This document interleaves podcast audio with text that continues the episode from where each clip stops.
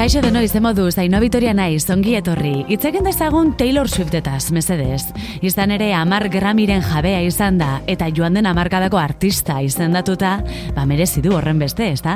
2008a bere urtea izan dela diote Swiftiek. Taylor Swiften jarraitzaile eta adituak dira Swiftiak. 2008an ez usteko interesgarria eman zuen Taylorrek, bere ibilbidea ikusita gainera, ba ez da oikoena, ez ustean bidizko ateratzea. Lan berrien berri emateko pilulatxoak eskaintzen ditu beti Eta bapatean, inork espero gabe, elkarren eskutik doazen bi disko aurkeztu zizkigun, Folklore eta Evermore. Swiftiak astoratu zitzaizkigun, eta Swiftiak estirenak ere bai, lehen oparia hau kardigan.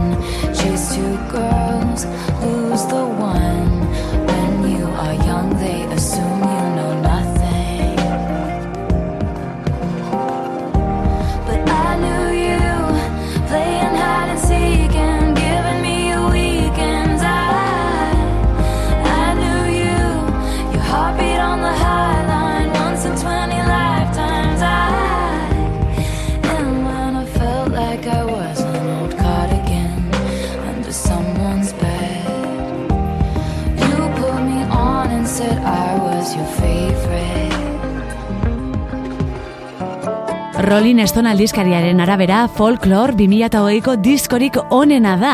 Rolling Stone aldizkariaren arabera, eh? Ez da broma. Konfinamenduak bultzaturiko diskoa da eta nabaritzen da. Ze topatuko duzu bertan? Baurkituko duzu nostalgia. Aurkituko bituzu istorioak, storytellinak eta batez ere topatuko bituzu bere sustraiak. Pianoari eutxita agertzen da kardigan abestiaren irudietan, musikarekiko duen harremana goxatu izan balitz bezala. Eta Taylor Swift bere sustraietara itzuli bada, bagu ere bai, Love Story. Story. We were both young when I first saw you. I close my eyes and the flashback starts. I'm standing there on the balcony in summer air. See the lights, see the party, the ball gowns. See you make your way through the crowd and say hello.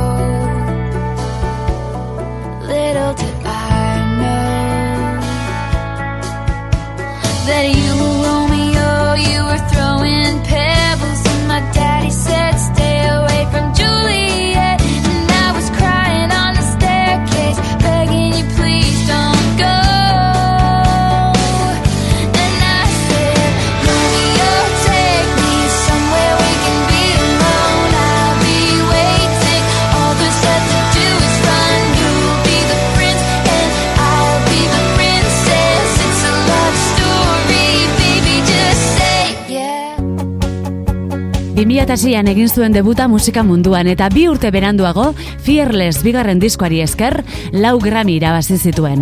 Tartean urteko disko onenari saria. Hala ere dena etzen polita izan eta Kanye Westekin izandako polemika oso traumatikoa eta oso mediatikoa izan zen. Orain entzungo dugun You Belong With Me kantuak irabazi zuen garai hartan VMA saria. Beyoncéren Single Ladies videokliparen kontra ari zen lehiatzen, baina bueno, azkenean Taylorrek irabazi zuen. Ze gertatu zen? Ba Taylor Swift saria jasotzen ari zela, galan zegoen Kanye West, estenatokira igota sari hori Beyoncék merezi zuela esan ziola badenon aurrean, irudi horiek mundua zeharkatu zuten eta Taylorrentzat zartada hundia. Walking the streets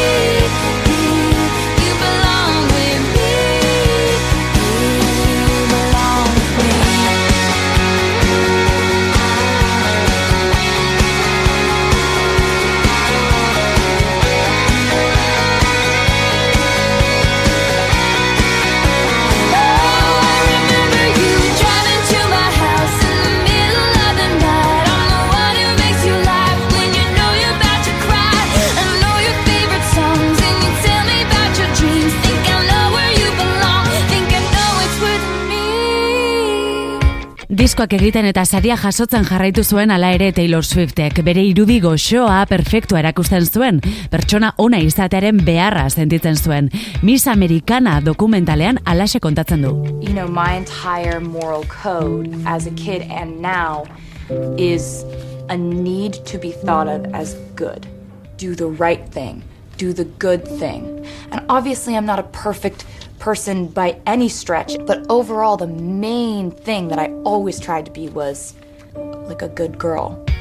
Jendaren txaloa behar zuela aitortu du mundu guztiak nahi zuen pertsona bilakatu, maitatua izateren beharra sentitzen zuen.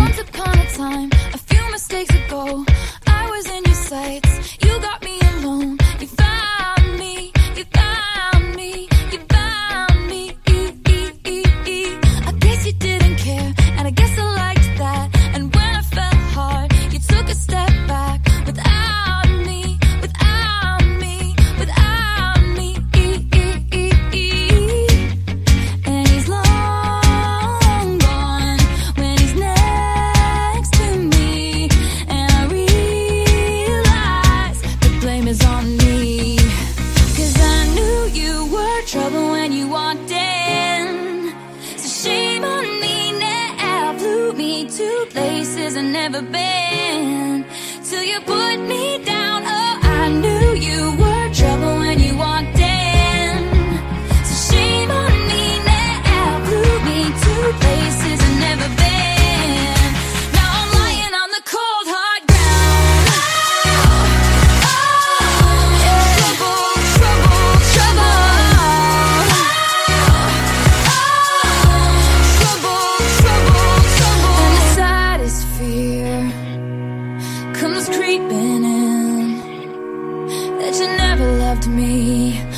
hurt.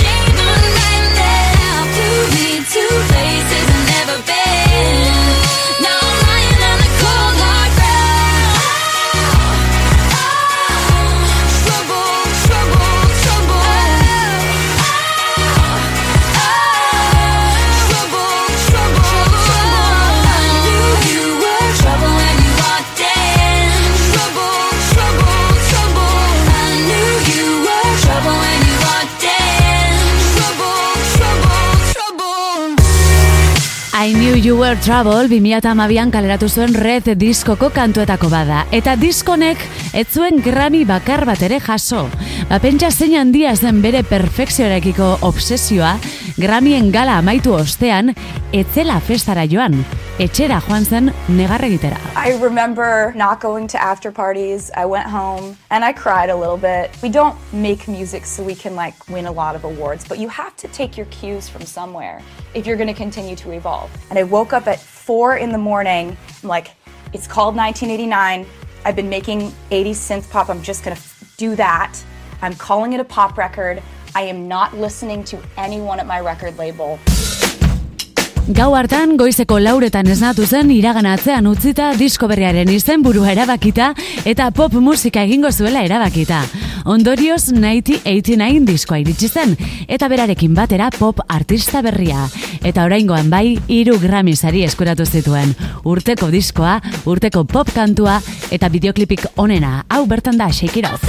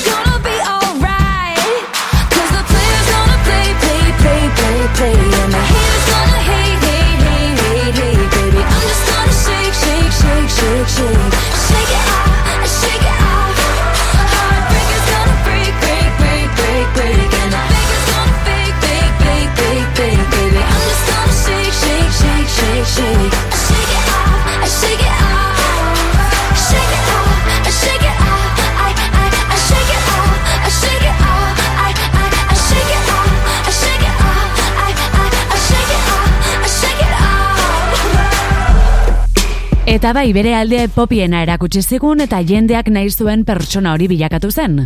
Hala ez.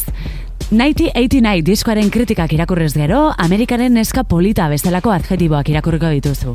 Batzuentzat zentzurik onenean, beste batzuentzat zentzurik txarrenean. Izan ere, miresmena sortzen zuen einean, inbidiare pizten zuen. Mutil lagun oi gehi zituela. Bera bezalako lagun perfektu ez inguratuta zebilela. Eta alako komentario asko entzun izan zituen garai hartan edabideen partetik. Miresmen eta inbidien sortzaietako bat abesti hau izan zen bere mutil lagun oiei eskainita eta bere lagunez inguratuta Bad Blood.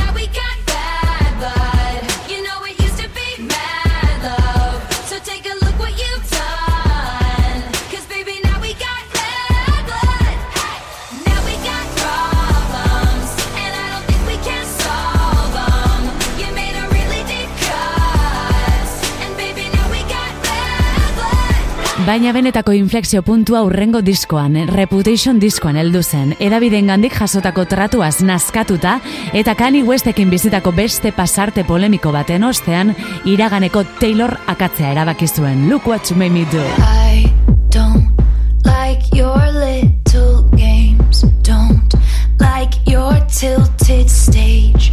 The role you made me play the fool.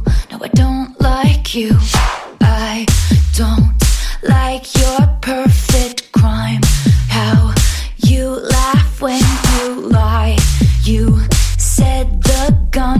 Was mine. Isn't cool.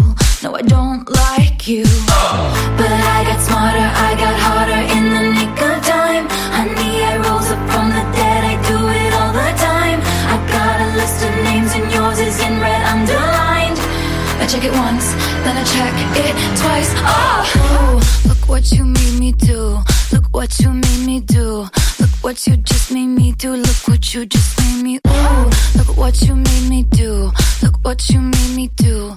Look what you just made me do. Look what you just made me do. I don't like your kingdom keys. They once belonged to me. You asked me for a place to sleep, locked me out, then threw a feast. The world moves on another day, another drama,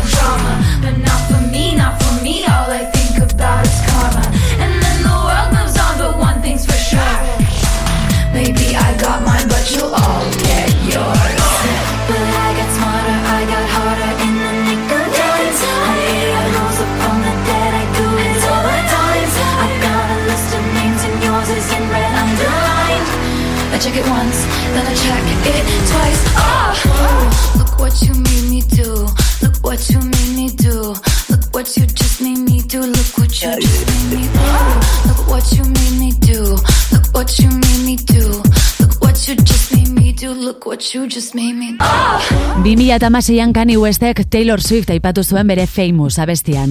Nik egin nuen famatu bitch hori esaten du artistak. Bueno, bakantu atera baino lehen Taylorrek baimena eman omen zion berataz hitz egiteko, baina ez modu horretan noski. Kainik etzion egi guztia kontatu eta Taylor azarretu egin zen. Polemika desentekoa izan zen eta Kim Kardashianek Kanye Westen eskalagunak Snake edo Suge deitu zion Taylorri. Ba polemika guzti horren erantzuna da Look What You Made Me Do abesti hau. The Old Taylor is Dead dio kantuan. Sugen erregin bilakatzen den bitartean. Txarrenari zuku hona atera zion eta sekulako danbateko eman zuen. Etzen erantzun bakarra izan, edabidei ere mesutxoa bidali zien The Men kantu honetan. Askotan hitz egiten zuten modu negatiboan Taylorren mutil lagun hoien zerrenda luzeaz. Baina Leonardo DiCaprioren eskalagun hoien zerrenda luzeaz hitz egiterakoan, ah, ba hori ez omen zen horren larria. Bueno, ba, demen kantuaren bideoklipan Taylor gizonez mozorrotuta ikusiko dugu El Lobo de Wall Street pelikularen eszenak parodiatzen ari den bitartean. Gogora dezagun, pelikula hartako protagonista dela Leo DiCaprio, The Men. I'm so sick of them coming at me again. Coming at me again. 'Cause if I was a man,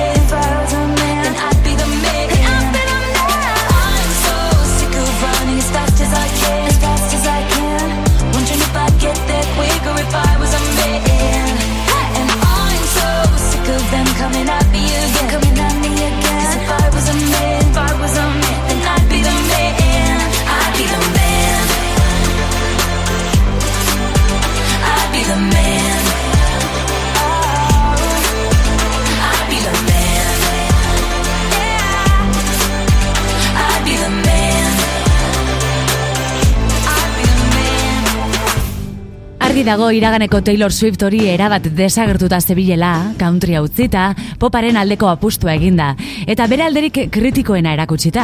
Baina Reputation kaleratuta bi urtera, 2008an Lover diskoa iritsi zen, eta hemen aldaketa handia dator, oso ondia. Taylorrek berriz ere bere irudi argitsua erakutsi nahi izan zuen, Reputation diskoaren iluntasun hori baztertuz. Maitasunak tarte handi hartuko du honetan, eta Sebas Mouret idazle eta Taylor Swift zale eta adituaren arabera, Lover diskoa Taylorren ibilbide osoaren laburpena da. Kontua da Taylorrek kaleratzen duen disko bakoitzak Taylorren momentuko erradiografia egiten digula. Nola sentitzen den, nola dagoen, jakin genezake bere kantuak entzun da. Kasu honetan, aditu honen arabera, bere ibilbidearen errepasoa da Lover. Bere sustraiei keinu eginda eta popa alde batera utzi gabe, noski, hau Lover. You leave the Christmas lights up till January. This is our place, we made the rules. And there's a dazzling haze, a mysterious way about you, dear. Have I known you 20 seconds or 20 years?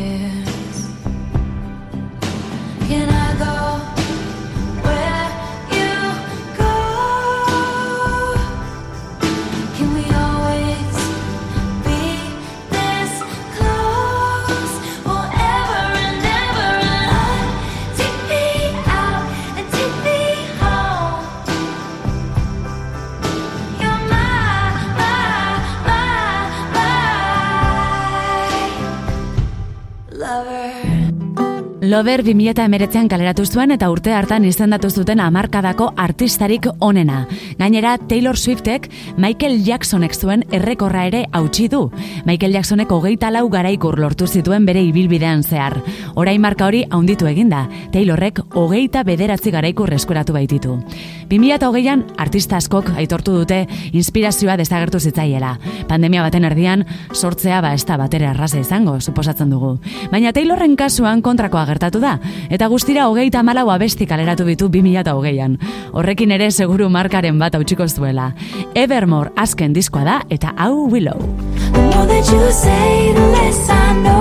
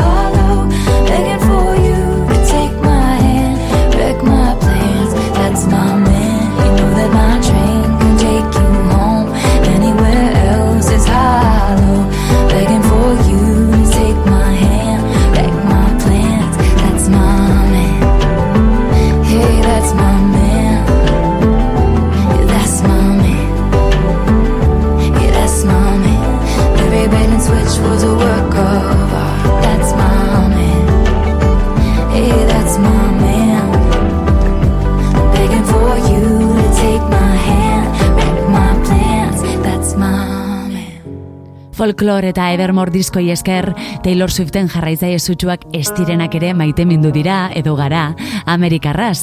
Jack Antonofek ekoiztuta, Bon Iver, The National, Marcus Manford, Jaime Aizpak izan ditu bide lagun. Izan hauek oso potoloak dira, eh? Eta potoloetan potoloena besti hau Exile.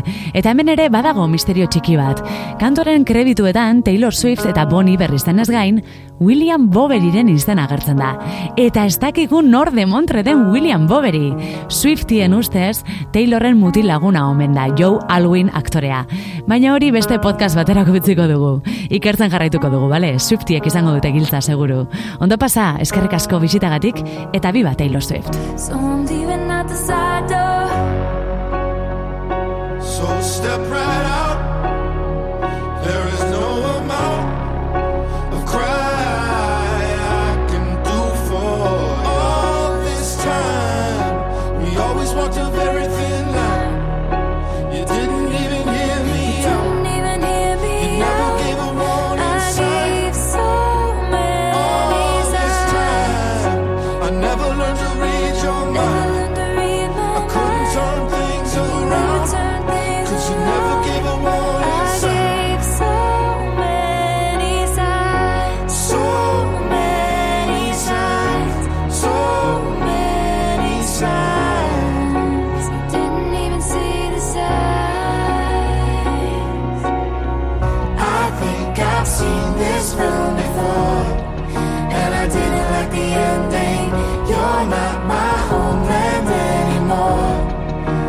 What am I defending now?